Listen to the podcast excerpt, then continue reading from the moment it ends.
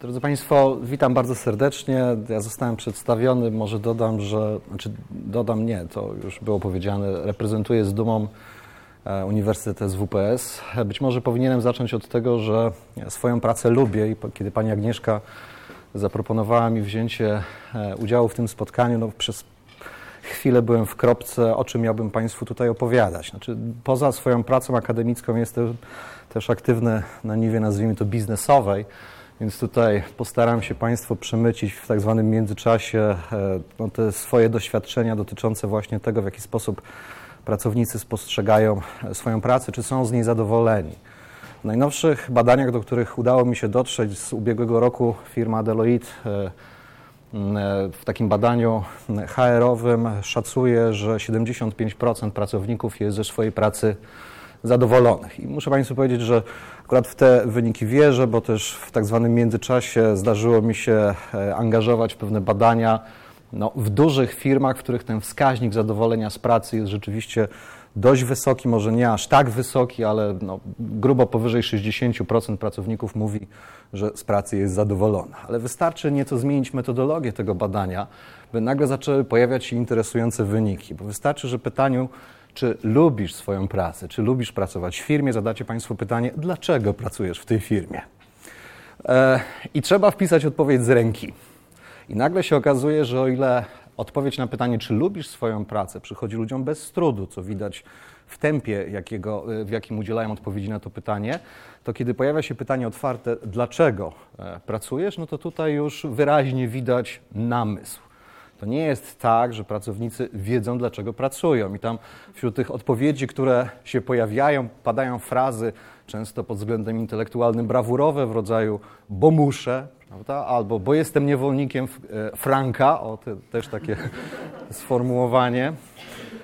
No przyznać należy, że to jest dość szczególne podejście, tak? Lubię pracę, którą muszę wykonywać. E, w zasadzie można powiedzieć, nie mam innego wyjścia. Z perspektywy, z perspektywy psychologicznej warto tutaj zwrócić uwagę, e, ważne jest, byśmy lubili to, co zajmuje nam jedną trzecią naszego dorosłego życia. Dlaczego? Znaczy dlatego między innymi, że dość trudno jest w prawdziwym życiu wyznaczyć granicę pomiędzy pracą a życiem prywatnym. To znaczy, jeśli nie lubisz pracy, to można powiedzieć, ten brak satysfakcji rzutować będzie dość szybko na inne sfery Twojego funkcjonowania psychologicznego i powiadam, z perspektywy psychologii organizacji, tu wyznaczenie wyraźnej granicy pomiędzy pracą a życiem osobistym jest niezwykle, jest niezwykle trudne. Tutaj namysły odnośnie tego, jakie są związki między pracą, a tym subiektywnym poczuciem szczęścia czy dobrostanu, e, to jest namysł, który e, sięga starożytności, taka słynna fraza, którą czasem e, się w kontekście postępowań rekrutacyjnych powtarza. HR-owcy powinni mieć ją na specjalnych tabliczkach stojącą na biurku. Wybierz pracę, którą kochasz, a nie będziesz musiał pracować nawet przez jeden dzień w swoim życiu. Ja powiem krótko, to jest dość optymistyczna wersja. Znaczy, ja akurat mam to szczęście, że wybrałem pracę, którą lubię, ale mm, z perspektywy e, no, choćby mojej wcale nie jest oczywiste, czy to, że lubię ją teraz, e, no, znajdzie odzwierciedlenie w tym, że będę lubił ją za chwilę. Ludzie się zmieniają. Znaczy, to, kim jesteś teraz, ma oczywiście pewien związek z tym, kim byłeś kiedyś, natomiast praca, która kiedyś ci pasowała, teraz może być pracą, która, która spędza ci sen z powiek albo jest źródłem stresu. Zatem ludzie się zmieniając, idąc tym tropem rozumowania, powinni również zmieniać swoją pracę. I w największym skrócie koncepcja konstruowania pracy, którą będę Państwu tutaj próbował zaprezentować, to jest pewna jakby filozofia myślenia o pracy, znaczy o tym, co można zrobić, a czego nie można, by praca, która zajmuje nam tyle czasu, była dla nas źródłem satysfakcji, a nie źródłem stresu.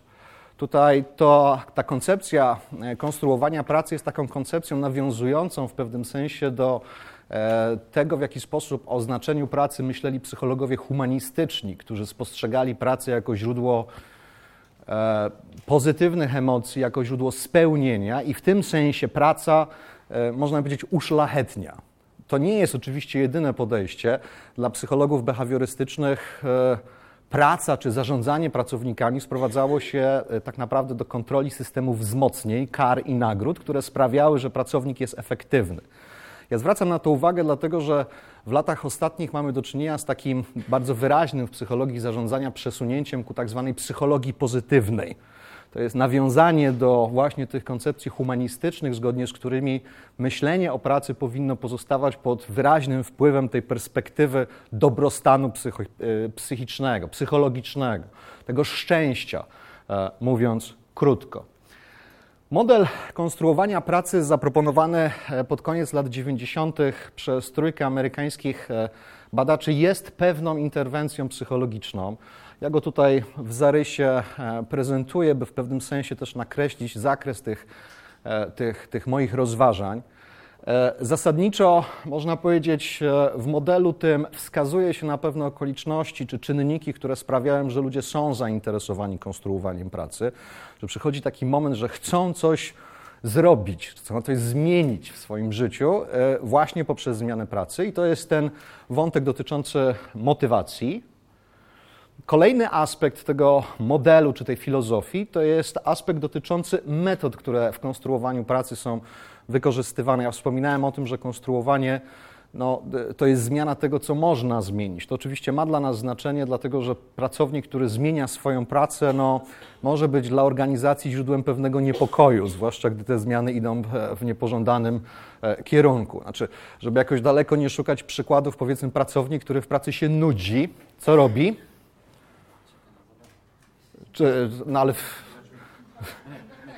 chodzi po internecie, gra w sapera, plotkuje. No więc tutaj zwróćcie Państwo uwagę, że to nie jest tak, że, że, że ludzie nie zagospodarowują, można powiedzieć, pewnego, pewnego czasu, jaki mają w pracy do dyspozycji, jeżeli akurat na ten czas zwracamy uwagę. Natomiast myk polega na tym, że zagospodarowują to w sposób no powiedzmy najogólniej rzecz ujmując, e, niekonstruktywny. Więc tutaj warto zwrócić uwagę na to, znaczy sama koncepcja e, job craftingu czy konstruowania pracy, ona, no jak mówię, ma już pewną historię, natomiast w Polsce, i mówię to z pełną odpowiedzialnością, to jest wciąż innowacja. To znaczy zadziwiająco niewielu ludzi, którzy zajmuje się zarządzaniem dużymi zasobami, ma o tej, e, ma o tej koncepcji pojęcie. Zatem mamy metody, które mogą być wykorzystane. Ja tutaj w późniejszej części swojej prezentacji przedstawię ja bym sposoby e, modyfikowania pracy w tych różnych domenach dotyczących zadań, interakcji z innymi ludźmi, czy też, czy też takiej ogólnej koncepcji pracy. No i tutaj w pewnym sensie ten ostatni element filozofii e, dotyczący efektów konstruowania pracy to jest coś, na co zwraca się uwagę, by organizacje przekonywać do tego, żeby pozwalały swoim pracownikom na konstruowanie pracy.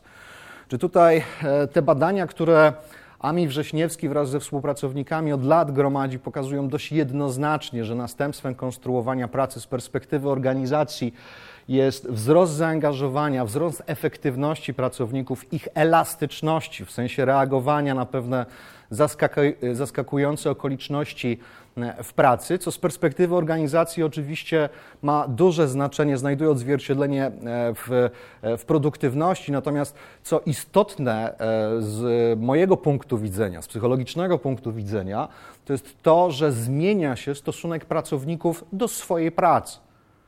Ta praca staje się źródłem pozytywnych doświadczeń, co w dłuższej perspektywie na przykład może być traktowane jako zasób e, umożliwiający radzenie sobie ze stresem. Ja zwracam akurat uwagę na ten aspekt, słyszeliście Państwo pewnie o wypaleniu zawodowym tak zwane. Znaczy tradycyjnie w psychologii wypalenie zawodowe ko e, kojarzono z zawodami tak zwanymi e, pomocowymi. Znaczy zawody pomocowe to są zawody, w których jeden człowiek niesie pomoc drugiemu, na przykład pielęgniarka albo terapeuta uzależnień. To jest zawód pomocowy. I teraz w tych zawodach problem polega na tym, że e, skuteczność tych interwencji w zawodach pomocowych bardzo często jest, no powiedzmy, mało imponująca. Ci ludzie funkcjonują zatem w świecie, w którym tak naprawdę dominującym rodzajem zawodowego feedbacku jest feedback negatywny. Znaczy oni nie są skuteczni, nie są efektywni pojawia się u nich wypalenie zawodowe. W ostatnich latach, znaczy jakkolwiek w historii badań nad wypaleniem zawodowym, ona jakoś tam specjalnie długa nie jest, e, główną e, uwagę skupiano właśnie na zawodach pomocowych, to w ostatnich latach do tej grupy zagroż osób zagrożonych wypaleniem zawodowym zaczęto włączać przedstawicieli kolejnych grup zawodowych. Znaczy pierwszą chyba taką niepomocową w ścisłym tego słowa znaczeniu grupą zawodową, yy, nauczyciele. Nauczyciele. W Polsce, i to takie szacunki są dosyć ostrożne, pełnoobjawowe wypalenie zawodowe to jest 20% nauczycieli cierpi, kolejnych 50% jest zagrożona, to znaczy z trzech objawów wypalenia zawodowego ma dwa.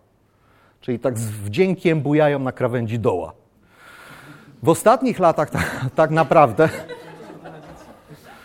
E, często tak, niestety. Natomiast w ostatnich latach, już naprawdę w ostatnich latach, e, do E, tej, do tej grupy pracowników zagrożonych wypaleniem zawodowym zaczęto wliczać menadżerów wysokiego szczebla. Okay? I tutaj ja ze swojej perspektywy, tej konsultingowej, mogę z całą odpowiedzialnością powiedzieć, że przynajmniej dwóch takich menadżerów wypalonych, można być do szczętu, e, na swojej drodze, na swojej drodze spotkałem. Obydwaj mieli szczęście, bo pracowali w Polsce, ale w przedstawicielstwach firm, E, można powiedzieć, z innych krajów. Jeden z nich po e, zadomowieniu się w Polsce, bo jego, jego, jego, jego działka polegała na tym, że miał stworzyć przedstawicielstwo w Polsce, e, zaliczył pełnoobjawowe wypalenie i firma go wysłała na 8 miesięcy na pełnopłatny urlop zdrowotny na Karaiby, po których do firmy powrócił, jak już doszedł do siebie, bo tutaj są pewne wytyczne do, odnośnie współpracy z osobami wypale, wypalonymi. Z perspektywy, która nas tutaj interesuje, wiele wskazuje na to, że konstruowanie pracy jest jednym z najskuteczniejszych sposobów na profilaktykę wypalenia zawodowego. To znaczy, chodzi tutaj o to, by reagować odpowiednio wcześnie i nie, do, nie doprowadzać czy nie dopuszczać do tego, aby praca stała się e, trudnym do zniesienia ciężarem. I tutaj warto zwrócić uwagę właśnie i na ten aspekt, znaczy z perspektywy organizacji konstruowanie pracy wydaje się naprawdę intrygującą e, formą poprawy dobrostanu pracowników. E, ważna rzecz, zanim przejdziemy dalej, na którą zwrócić trzeba uwagę, ja mówię o, czy myślę o konstruowaniu pracy jako rodzaju interwencji, znaczy też opiszę ją tutaj jako zbiór pewnych działań, które można podjąć, by osiągnąć, by osiągnąć cel, by skonstruować swoją pracę. Podkreślić jednakowoż należy, że e, to konstruowanie pracy ono wymaga dużego zaangażowania ze strony pracownika, żeby było jasne. To nie może być tak, że spec od HR-u przyjdzie do pracownika i mówi: skonstruuję ci pracę. To ma znaczenie, dlatego że w niektórych koncepcjach zarządzania zakłada się, że praca jest definiowana przez zwierzchnika, że to on decyduje. To jest ten model zarządzania top-down. Jeżeli widzę, że pojawia się jakaś patologia e, w funkcjonowaniu organizacji, która jest zapośredniczona w niedopasowaniu między pracownikiem a, a stanowiskiem, to jeżeli jestem e, menadżerem odpowiedzialnym za tego pracownika, to ta klasyczna koncepcja mówi, powinienem coś zrobić. Logika konstruowania pracy natomiast to jest logika bottom-up, to znaczy punktem wyjścia jest pracownik to on musi chcieć i to on musi w pewnym sensie zdiagnozować sam siebie, o czym się za chwilę e, przekonamy, w takich dość właśnie newralgicznych obszarach, na przykład odpowiedzieć sobie na pytanie, po co pracuję? Po co pracuję? Także spróbujemy ten model e, tutaj zaproponować. Znaczy, po co pracujesz? No, w tej romantycznej, humanistycznej koncepcji założenie jest takie, że dzięki pracy możesz odnaleźć e, e, głębszy sens. Praca jest tutaj narzędziem osiągania samorealizacji, która spostrzegana jest jako, można powiedzieć, ta najwyższa forma e, samorozwoju człowieka. Poprzez pracę, czy praca stwarza tutaj okazje, czy okoliczności, w których pewne e, talenty mogą rozkwitać, w której można wyrażać pewne wartości. Znaczy, z perspektywy jednakowoż pracownika, który nie miał okazji, można powiedzieć, e, zastanawiać się nad tym, po co pracuje, odpowiedź na to pytanie wcale nie jest taka oczywista, jak mogłoby się okazywać. Mnie już wielokrotnie zdarzało się spotykać menadżerów naprawdę wysoko postawionych, z perspektywy otoczenia odnoszących niesamowite sukcesy, w sensie awansu, w sensie prestiżu zawodowego, w sensie pieniędzy, ludzi, którzy mieli poczucie, że to, co robią, nie ma większego sensu. Po czym poznać kogoś takiego? To jest ktoś, kto używa, mówiąc o swojej pracy, na przykład takich fraz w rodzaju robota. Idę do roboty, albo idę, będzie tyrka. Okay? Gdzie jesteś? W kieracie. W ko- niech, niech, niech panu będzie. I teraz, kiedy go zapytamy e, wprost, czy lubisz swoją pracę, on na nas popatrzy, mówi: Ty z HR-u? Tak, lubię swoją pracę. Okay?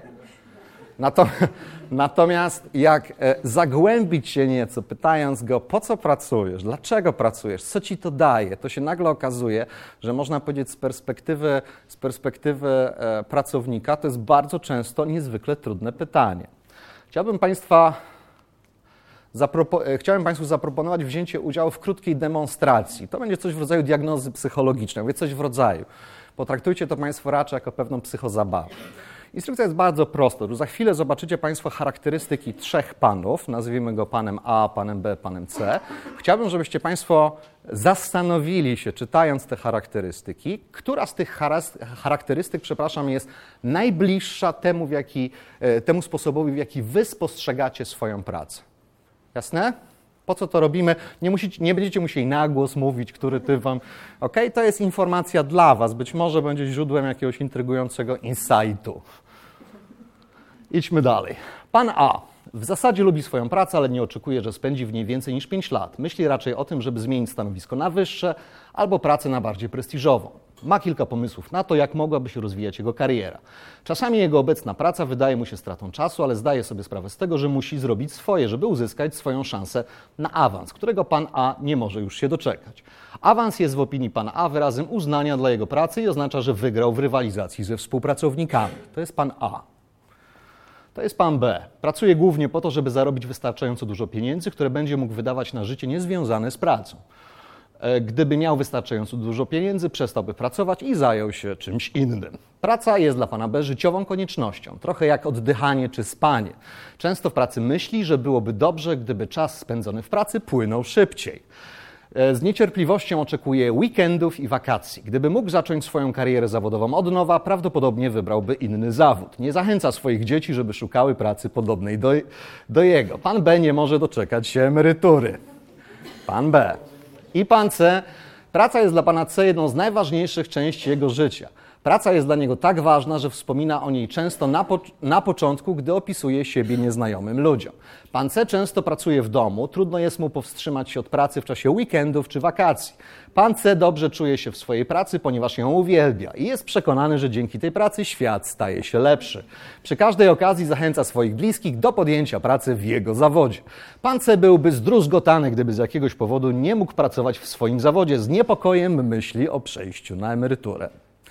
Macie Państwo trzy historyjki trzech bohaterów.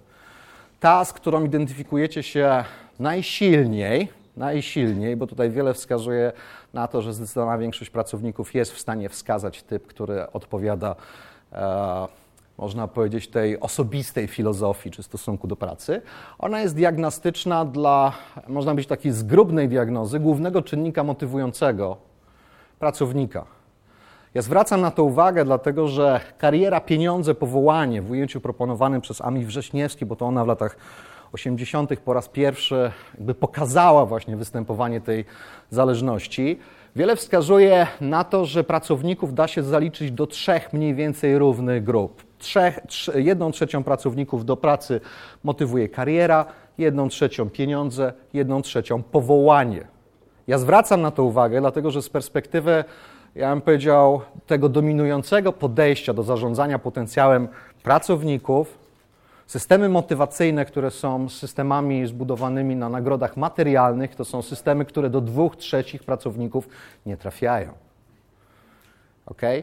I teraz ci wszyscy, dla których, e, którzy nie są w stanie w pracy odnaleźć tego, co ich kręci, to są wszyscy, ci wszyscy, którzy w, w dłuższej e, bądź krótszej perspektywie doświadczać będą jak to się ładnie mówi, niedopasowania do pracy.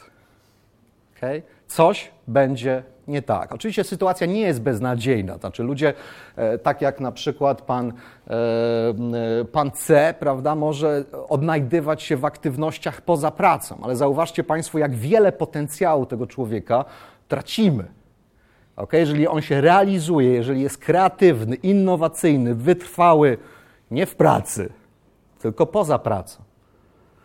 Z tej perspektywy e, filozofia konstruowania pracy jest odpowiedzią na zróżnicowanie czynników, które motywują ludzi do pracy. I teraz z perspektywy strategicznej oczywiście można powiedzieć, my możemy sobie wyobrazić sytuację, w której pracownik e, jest w stanie przyznać specjaliści od HR-u, że pieniądze go nie kręcą. Bo to, żeby też było jasne, jak ktoś pracuje dla kariery, to nie znaczy, że pieniądze nie mają dla niego znaczenia. To znaczy tylko tyle, że status związany. e, Ludzie, którzy pracują dla kariery, oni bazują na feedbacku społecznym. Oni oczekują weryfikacji swoich kompetencji czy swojego potencjału. Oni potrzebują pieniędzy, bo muszą żyć, natomiast pieniądze nie są dla nich najważniejsze.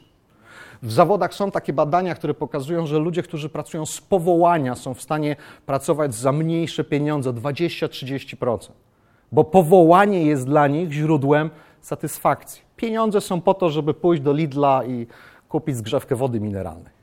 Prawda? Natomiast powołanie, samorealizacja jest tym, co tych ludzi kręci w sposób szczególny. Czy któraś z tych motywacji jest zła? Nie. To są różne motywacje. Nie możemy powiedzieć o tych, którzy pracują dla pieniędzy, że oni są materialistami, że są gorsi od tych, którzy. To jest po prostu główny czynnik motywacyjny. Ja zwracam na to uwagę, bo jakby z moich doświadczeń takich badawczych wynika, że ludzie bardzo często nie zdają sobie sprawy z tego, co jest głównym czynnikiem, który, jest, który ich kręci. To jest porażające, prawda, że powtórzmy jeszcze raz, jedna trzecia dorosłego życia w pracy, a ty nie wiesz, e, co cię w pracy kręci, po co to robisz.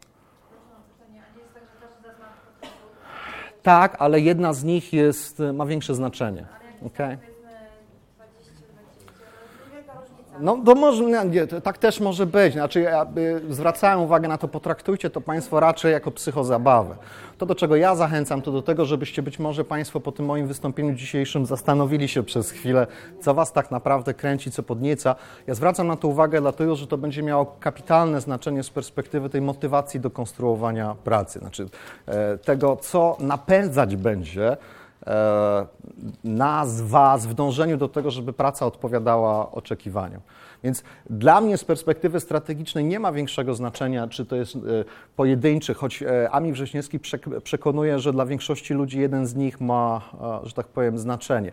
Znaczy tutaj ta perspektywa jest perspektywą funkcjonalną, to znaczy jeżeli macie Państwo możliwość zmiany pracy, to w sytuacji, w której dwa motywy są motywami, one mogą być ze sobą powiązane, ale nie muszą. Tak? Jeżeli na przykład wyobrazimy sobie, że ważny jest motyw kariery i powołania, no to w niektórych firmach na przykład nie ma e, możliwości jakiegoś szczególnego awansu.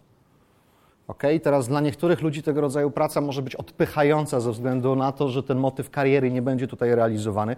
Choć ja argumentuję, że na gruncie konstruowania pracy jesteśmy w stanie podjąć pewne działania, które pozwalają robić karierę nawet tam, gdzie jej się robić nie da. Paradoksalnie. ok, idźmy dalej. Tutaj e, powróćmy jeszcze raz, czy zwróćmy uwagę na tą, na tą różnicę, bo ona ma charakter zasadniczy. Znaczy, konstrukcja pracy to jest domena menadżera, czyli tego człowieka, który opisuje zakres czynności zawarty w umowie o pracę jako, jako załącznik. Tam są opisane zadania, których oczekujemy od pracownika, e, hierarchia, prawda, podległości. Tutaj wiadomo, na czym praca będzie polegała w momencie, w której się zatrudniamy. Konstruowanie pracy natomiast tradycyjnie e, utożsamiane jest z domeną pracownika, który sam próbuje podejmować pewne działania, by pracy nadać sens. Niektórzy robią to intuicyjnie, e, niektórzy dlatego, że oddają się refleksji, inni potrzebują wsparcia ze strony coacha czy ze strony e, pracownika HR-u, czasem ze strony terapeuty, prawda, do którego idą, bo choć osiągnęli sukces zawodowy z życia, nie są zadowoleni, prawda? I teraz jak idziemy e, do terapeuty mówiąc mamy problemy, to jedno z pierwszych pytań, które terapeuta zadaje, a jak w pracy? Jak idziemy do coacha mówiąc kariera nam się nie układa, jedno z pierwszych pytań, które on zadaje, a jak w domu? Ok, tutaj to przenikanie funkcjonowania zawodowego i osobistego jest dla psychologów oczywiste, natomiast można powiedzieć z perspektywy funkcjonowania organizacji świadomość tego, jak duże może mieć znaczenie praca dla życia prywatnego i życie prywatne dla, dla, dla pracy, tak naprawdę e, można powiedzieć w ostatnich, znaczy zawsze była ważna, natomiast w ostatnich latach zyskuje jeszcze na e, ważności. Jedna z klasycznych koncepcji opisująca e, to, w jaki sposób pracownik się w organizacji odnajduje, ona znajduje odzwierciedlenie, ta koncepcja zarówno w kontekście, w kontekście rozważań dotyczących jakby pewnych zagadnień związanych z rekrutacją czy selekcją pracowników, to jest koncepcja dopasowania osobowości do pracy. Personality Job Fit, tak się ten model nazywa. To jest prosty model w gruncie rzeczy. Opiera się on na założeniu, że e, praca wymaga od pracownika poświęcenia, można powiedzieć, pewnych zasobów. I teraz z perspektywy strategicznej wszystko jest w porządku, jeżeli zasoby, którymi dysponuję, jakie każde, poznawcze, emocjonalne, są dopasowane do zadań, które mam wykonywać zgodnie e, z opisem stanowiska, na którym pracuję. Jasne? Jest git. Jak to pasuje, zasoby pokrywają się z wymaganiami pracy, jest super. Problemy zaczynają się na gruncie tej koncepcji pojawiać wtedy, kiedy występuje niezgodność ta niezgodność w dłuższej perspektywie jest stresorem, której, którego znaczenie systematycznie rośnie, dlatego że pewne problemy, jakich doświadcza jednostka, konfrontując swoje niewystarczające często zasoby z wymaganiami pracy, mają to do siebie, że w czasie się nawarstwiają. Praca staje się coraz poważniejszym stresorem. Według Wrześniewski konstruowanie pracy – które stanowi odzwierciedlenie tej aktywności pracownika, jest, e, i to jest jakby drugi aspekt organizacyjny wykorzystania kon, konstruowania pracy. Pierwszy, przypomnijmy, profilaktyka wypalenia, a drugi zarządzanie stresem pracownika. Stresem e, psychospołecznym, tak zwanym, znaczy związanym z funkcjonowaniem psychologicznym człowieka, który wykonuje zadania, ale też wchodzi w interakcję, w interakcję z innymi. Koncepcja konstruowania pracy zatem e, z tej perspektywy jawi nam się raczej jako proces niż interwencja. To znaczy, to, że ja Ci pomogę na przykład skonstruować pracę e, dziś, to nie oznacza, że konstruowanie pracy się kończy. Ty powinieneś świadomie szukać okazji do tego, by, tą, by nie ustawać w konstruowaniu pracy, tak aby ona można powiedzieć, jeszcze lepiej była do ciebie dopasowana, do Twoich oczekiwań, do Twoich wartości, pasji czy talentów. Z perspektywy psychologicznej, to, czego oczekujemy w organizacji od pracownika, nazywane jest rolą.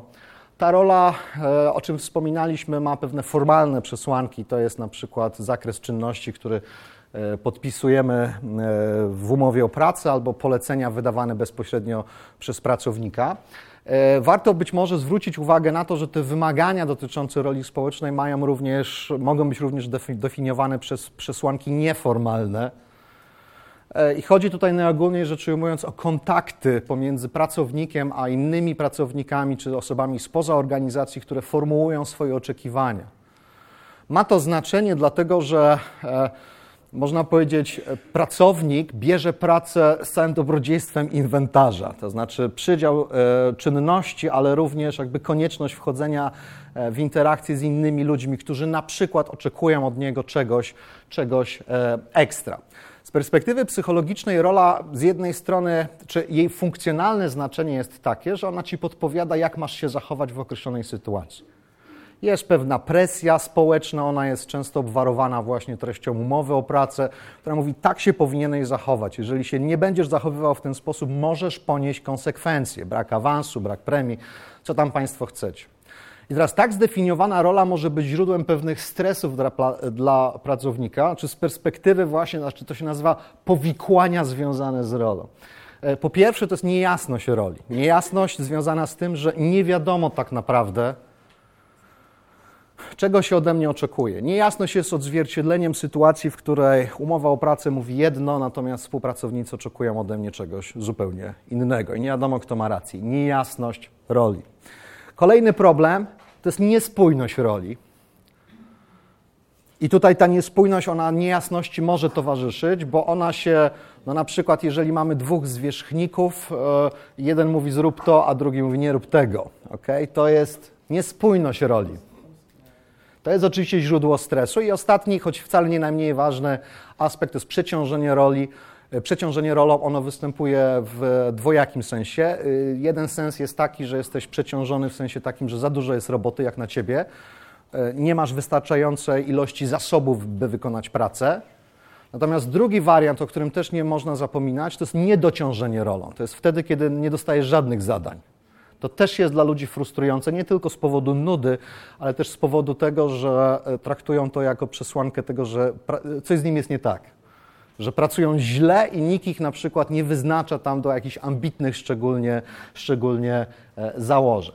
I teraz, e, jak się przyjrzymy, e, bo ta perspektywa roli, ona w kontekście zarządzania zasobami ludzkimi jest dość często przywoływana, między innymi dlatego, że rola jest dość dobrym predyktorem e, takich dość kluczowych, ja bym powiedział, z funkcjonowania, z perspektywy funkcjonowania psychologicznego e, pracowników e, wymiarów. E, co nas jakoś specjalnie nie, zaskakuje, niejasność, niespójność roli korelują ujemnie z zadowoleniem pracy zadowoleniem z pracy. Tak? To znaczy, jeżeli rola jest, e, znaczy nie wiadomo o co chodzi, albo są różne oczekiwania, pracownicy jakby żyją w stresie, tak? podlegają zróżnicowanym, można powiedzieć, presjom w przeciwnych czy przeciwstawnych kierunkach.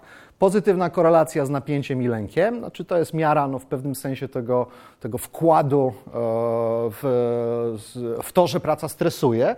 Chęć zmiany pracy, znaczy to jest w najnowszym e, tym raporcie firmy e, o którym wspominałem, ta retencja pracowników stanowi jedno z największych wyzwań, można powiedzieć, jak oni argumentują, dla zarządzania zasobami ludzkimi. Tego, że pracownicy chcą zmienić pracę i ile kiedyś być może było im trudniej zmienić pracę, to teraz, jeżeli pojawia się nowa okazja, to oni nie mają specjalnych e, e, wątpliwości czy rozterek, prawda, żeby zmienić pracę, która w nadziei, z nadzieją, że ona będzie lepiej dopasowana e, do ich funkcjonowania. Jak skonstruować sobie pracę? Znaczy tutaj ta interwencja czy ta filozofia opiera się na takich kilku e, krokach. One odzwierciedlają, znaczy z jednej strony oczywiście motywacji, jakiej doświadczamy, e, która sprawia, że jesteśmy zainteresowani konstruowaniem pracy, ale też możliwości, jakimi dysponujemy e, w zakresie organizacji. Tutaj e, z perspektywy strategicznej wyróżnia się te trzy domeny, w których konstruowanie pracy może mieć miejsce. To jest modyfikowanie pracy, jeżeli chodzi o zadania, znaczy tutaj to pojęcie, przypomnijmy, roli definiuje zadania, które wykonujemy. I można powiedzieć z perspektywy, jak się pierwszy raz popadł, dodawanie zadań, prawda? To znaczy konstruowanie pracy polega na tym, żeby dodawać sobie nowe zadania. Ale te nowe zadania są zadaniami, to jest bardzo ważne, które pozwalają zaspokajać inne potrzeby. Czyli ty owszem więcej pracujesz, ale pracujesz więcej na przykład e, realizując siebie albo robisz rzeczy, które sprawiają ci frajdę. Ja zwracam na to uwagę, dlatego że za chwilę o tym będziemy mówić w takim sensie jakby faz konstruowania pracy. Pierwsza z nich to jest diagnoza tego, jak pracujecie. Ile czasu poświęcacie na które czynności? To ma znaczenie z tej perspektywy strategicznej, bo to pozwala ocenić, można powiedzieć, po pierwsze, e, ile macie, ile macie Państwo zasobów do dyspozycji, żeby sobie pracę skonstruować od nowa, z czego możecie zrezygnować, co musicie dołożyć. E, koncentrowanie się na, na tej części zadania, która sprawia frajdę. No, na przykład e, Adam Grant, taki wybitny amerykański psycholog, prowadził badania w takich grupach, po których zazwyczaj spodziewamy się, że będą ze swojej pracy średnio zadowolone. Na przykład e, fryzjerki i manikiurzystki. Okay? Znaczy kontakt z cielesnością drugiego człowieka może być dla niektórych ludzi jakby dość frustrujący. No i pojawia się pytanie, jak, oni sobie, jak one sobie z tym radzą. Na przykład Grant identyfikuje, bo tutaj ta formuła była taka, że on szukał e, fryzjerek zadowolonych ze swojej pracy i pytał, co one robią. I na przykład wśród nich były takie, które kontrolę nad sytuacją odzyskiwały, wychodząc z założenia, że mają prawo odmówić klientce. Mają prawo. To nie jest tak, że muszą tą klientkę przyjąć, natomiast jeżeli jest coś, na przykład kwestie związane z higieną są takie, że nie da rady tego przeskoczyć, to one zostawiają sobie taki margines, że powiedzą nie, ja pani e, nie będę z panią pracował. Okay? Czyli jakby E, e, zmiana sposobu wykonania zadań powiązanych z pracą, tak aby to było dla pracownika satysfakcjonujące, nadawanie nowego sensu e, zadaniom. I to też z badań Granta przykład, tu, tu badanymi byli salowi, czyli ludzie, którzy zajmują się w zasadzie taką najmniej wdzięczną pracą w szpitalach, a i tak nikt tej pracy nie zauważał, bo to wszyscy tylko z lekarzami, pielęgniarkami, natomiast salowi, salowe nie. Co się okazało? Okazało się, że ci z nich, którzy Y, spontanicznie i intuicyjnie tą pracę konstruowali, nadawali tym zadaniom nowy sens, zwracając uwagę na to, że niosą często wsparcie chorym, do których nikt nie przychodzi. Okay? Więc widzieli ten pozytywny feedback ze strony chorych, któremu przynosili ulgę, bo nie wiem, coś tam poprawili albo sprzątnęli, czy jakby znajdują w pracy coś, co nadaje tej pracy nowy, nowy sens. Ty już nie jesteś tylko salowym. Ty jesteś kimś, kto e, pomaga tym ludziom przetrwać najcięższy czas choroby. Druga domena to są relacje, relacje z innymi. Praca, no chyba, że jest się latarnikiem, wymaga kontaktów z innymi ludźmi. Kontakty z innymi ludźmi mogą być źródłem stresu i frustracji, ale też mogą być źródłem e, satysfakcjonujących, można powiedzieć, przeżyć. I w tej domenie właśnie konstruowanie pracy polega z jednej strony na budowaniu nowych relacji, ale uwaga, satysfakcjonujących, tak? To znaczy szukasz w pracy ludzi, z którymi taki kontakt warto jest nawiązać, a podtrzymujesz z tymi, z którymi już nawiązałeś i jesteś z tego kontaktu zadowolony. Unikasz frustrujących relacji. Jeżeli masz toksycznego współpracownika czy zwierzchnika, starasz się minimalizować z tej perspektywy kontakt z nim. Po co? No, dla swojego zdrowia, dla komfortu. Ja zwracam uwagę na to, że poszczególne interwencje, być może Państwo macie wrażenie, że zdarzało Wam się robić takie rzeczy, bo e, ja nie przeczę, że ludzie intuicyjnie szukają rozwiązania pewnych problemów, które w pracy mogą napotkać, natomiast ta filozofia konstruowania pracy zakłada właśnie ten wielowymiarowy charakter, że szukasz w różnych miejscach możliwości e, zmodyfikowania swojej pracy. No i ostatni element to są przekonania, to znaczy to, jak myślisz o swojej pracy. Ten salowy, który zaczyna inaczej spostrzegać swoje, swoje e, zadania, on, e, można powiedzieć, zwraca uwagę na pewne aspekty tej pracy. Dzięki temu zmienia się jego koncepcja tej pracy. E, on inaczej myśli o tym, co robi. I teraz to poczucie misji właśnie dla kogoś, dla kogo misja jest ważna, może być takim, takim trikiem intelektualnym. Zauważcie Państwo, e, o ile w przypadku relacji i zadań jest tak, że konstruowanie pracy odbywa się w pewnych granicach, które przewiduje organizacja, bo choćbyśmy chcieli na przykład uniknąć kontaktu z kimś, czasem się go nie da uniknąć. To tutaj w zakresie przekonań odnośnie pracy, tej koncepcji pracy, po co jest mi ta praca, czemu służy, mamy relatywnie, czy pracownik ma relatywnie największe pole do popisu. Ale też jest pewne, są też pewne ograniczenia. Znaczy są takie badania, które pokazują, że pewnie Państwa nie zaskoczy, że e, poziom samooceny na przykład jest czynnikiem, który decyduje o tym, jak ludzie, e, jak sobie radzą właśnie z modyfikacją przekonań albo zdolności poznawcze mają znaczenie, albo poczucie kontroli. Poczucie kontroli to jest przeświadczenie o tym, jak duży wpływ mam na to, co się wokół mnie dzieje. Więc tutaj ludzie o wewnętrznym poczuciu y, kontroli mają większy potencjał na wejściu konstruowania pracy w zakresie swoich y, przekonań.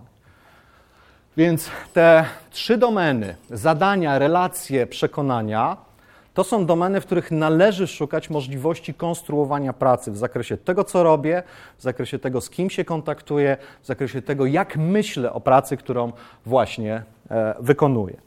Od czego zacząć konstruowanie pracy? Czy strategicznie rzecz ujmując, od tego, żebyście Państwo wiedzieli, co jest dla Was ważne. Czy jeżeli praca ma być okazją do realizowania się, to tutaj święty Boże nie pomoże, trzeba znaleźć odpowiedź na pytanie, co nas kręci, co nas podnieca.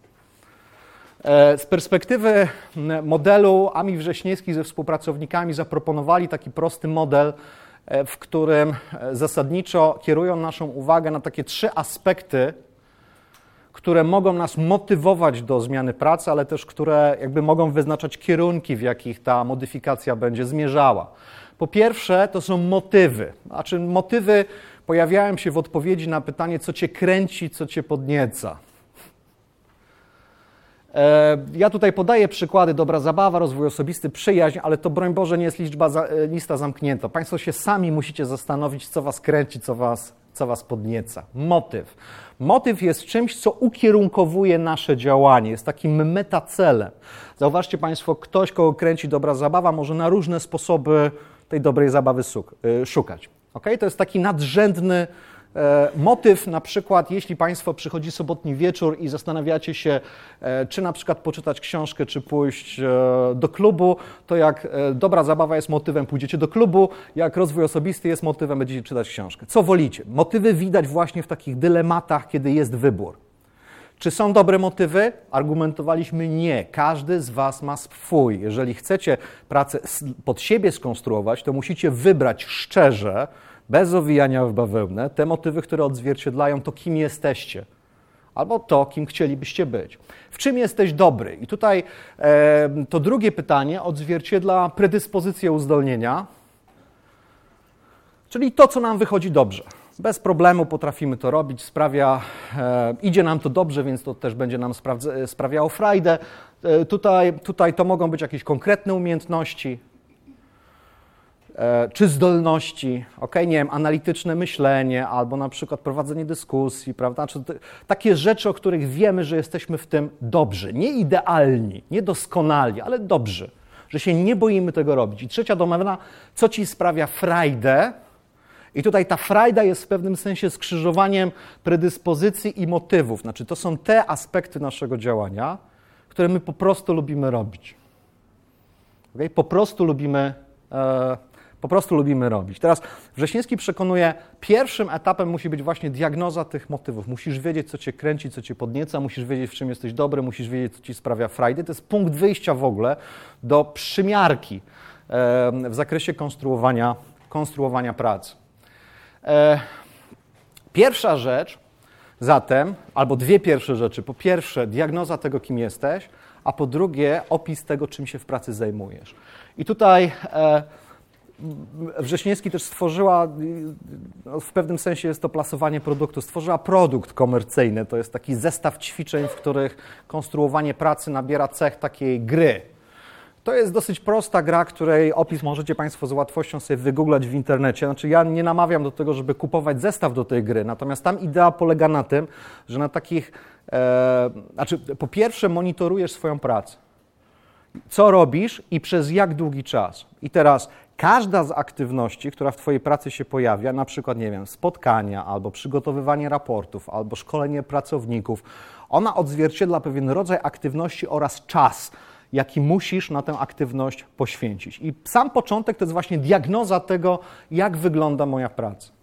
Ja zwracam na to uwagę, dlatego że w tych kilku przypadkach, które znam, takich, e, znaczy w sensie, w sensie coachingowym, ludzie, którzy zaczęli rejestrować swoją aktywność w pracy, no jakby odkryli pewne dość intrygujące rzeczy. Na przykład, że są takie momenty, kiedy w pracy są nieaktywni, znaczy są takie pory dnia, kiedy w pracy są nieaktywni, w sensie nic nie robią. Nic. Okay? Są takie aplikacje, nie wiem, kalendarze, w których można zapisywać prawda, te, te, te zadania. Nie, że ktoś to zobaczy, Państwo dla siebie to pozapisujcie, żeby zobaczyć, ile czasu poświęcacie na konkretne rzeczy. To nam daje orientację po pierwsze odnośnie tego, jak wygląda dystrybucja czasu pomiędzy tymi zadaniami. E, po drugie, pozwala, można powiedzieć, przeanalizować te zadania, bo zauważcie Państwo, jeżeli na przykład e, jedna ósma czasu w pracy poświęcona jest na spotkania, e, na których strasznie się nudzę, Okay? No to ja z jednej strony widzę, jak duża część mojej aktywności jest poświęcona właśnie temu, ale z drugiej strony jakby mam świadomość, dlaczego tych spotkań nie lubię. Prawda? I teraz z perspektywy strategicznej to nie jest jakiś tam przykład, który musicie Państwo od razu implementować, ale historia zna takie przypadki, na przykład menadżera, który nienawidzi e, spotkań, e, znaczy takich zebrań, ale lubi na przykład technologię.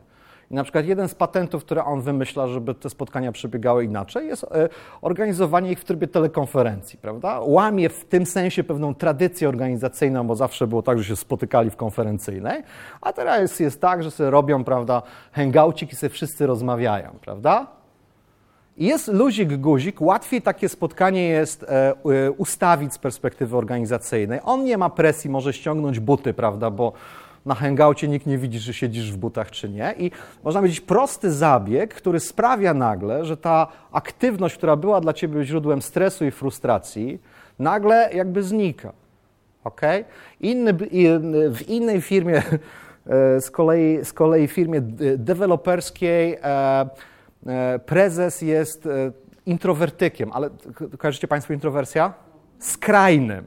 Skrajnym. Znaczy w ogóle Wchodzi do biura, wszyscy pracownicy pracują w akwariach, a on jako jedyny ma biuro, w którym wszystkie ściany są pozakrywane. Wchodzi tam rano, wychodzi wieczorem, nikt go nie widzi.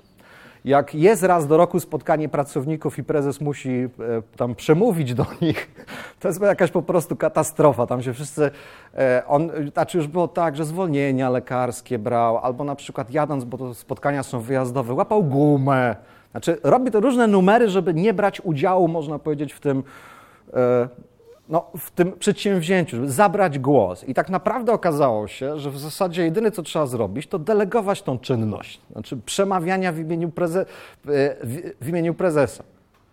Tak? Znaczy jeden z jego bliskich współpracowników, nazwijmy go prawą ręką, e, przejął te obowiązki od niego, występowania publicznego, udzielania prawda, wywiadów, a że spółka jest giełdowa, no to jest taka prezes jest, on podpisuje, podejmuje decyzje, natomiast nie udziela się publicznie. Dlaczego? Bo tego nienawidzi. Bo tego nienawidzi.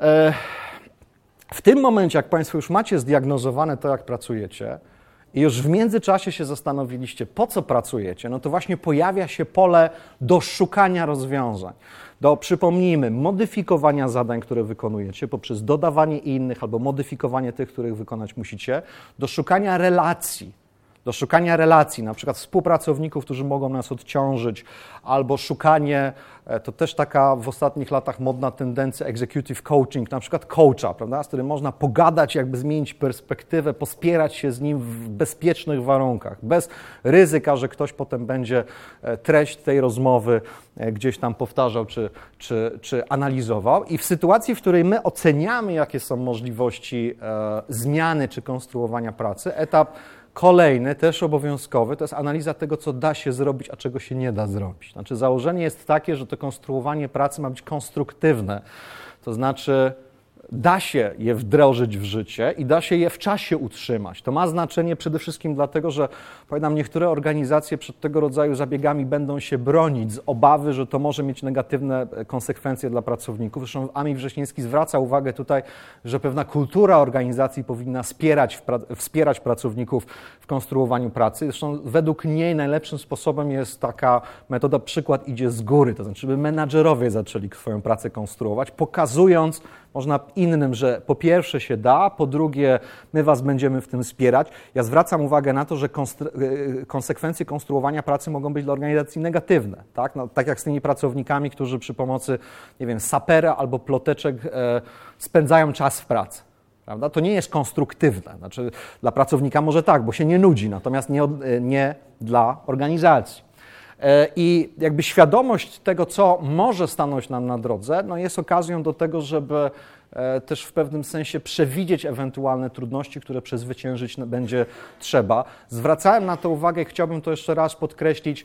E, można powiedzieć, w konstruowaniu pracy należy myśleć o tym raczej jako o pewnym procesie niż o jednorazowej interwencji. Zatem być może coś, czego nie zmienisz w tym kwartale, to jest coś, nad czym będziesz mógł popracować w następnym. W każdym razie, e, w każdym razie e, ważne jest, byśmy zdawali sobie sprawę z tego, że konstruowanie e, pracy nie jest wbrew pozorom jakoś szczególnie skomplikowane. Ważne jest jednak, żeby podchodzić do tego systemowo, żeby zdawać sobie sprawę z tego, że da się pracę konstruować, żeby szukać aktywnie okazji do konstruowania pracy, żeby eksperymentować, bo może się okazać, że jakieś rozwiązanie czy pomysł, który przyszedł Ci do głowy, że będzie się lepiej pracował, on się nie sprawdzi. No to co? No to się wtedy trzeba wycofać, szukać innego rozwiązania. To jest proces, który trwa. Celem tego procesu jest parafrazując Kartezjusza, stworzenie sobie pracy. I o ile oryginalna teza, znajdź sobie pracę, to była teza warunkowa, pod warunkiem, że się nie zmienisz, albo że nie zmieni się rynek pracy, albo że pracodawca nie padnie, to koncepcja stwarzania sobie pracy daje nam, no cóż, wolność i swobodę i elastyczność. Bardzo Państwu dziękuję za uwagę. Dziękuję.